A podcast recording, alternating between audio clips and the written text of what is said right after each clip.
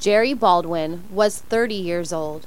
He was the manager of a pizza restaurant. He lived in an apartment about one mile north of the restaurant. He walked to and from work. When it was raining, he took the bus. Jerry loved gangster movies. When a new one came out, he would go to the theater and watch the new movie three or four times. Then, when it went to video, Jerry would buy the video at Barney's video store. Jerry had a home collection of over 1,000 gangster videos old ones, new ones, color, black and white, English, Spanish, Japanese. He loved them all.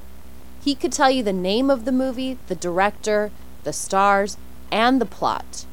Did you say you liked Pulp Fiction?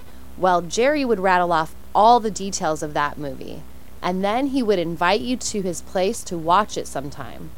He was a nice guy.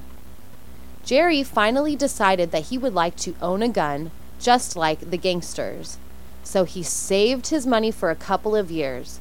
Then he went to a gun store and bought a used 38 caliber revolver for $300. While there, he also bought a couple of boxes of ammunition. The following Saturday morning, when he went to the gun club to practice with his new revolver, he was in the club for only 10 minutes when he accidentally dropped his pistol. The gun went off and the bullet went into Jerry's right knee. Jerry now walks with a limp and a cane, just like some gangsters.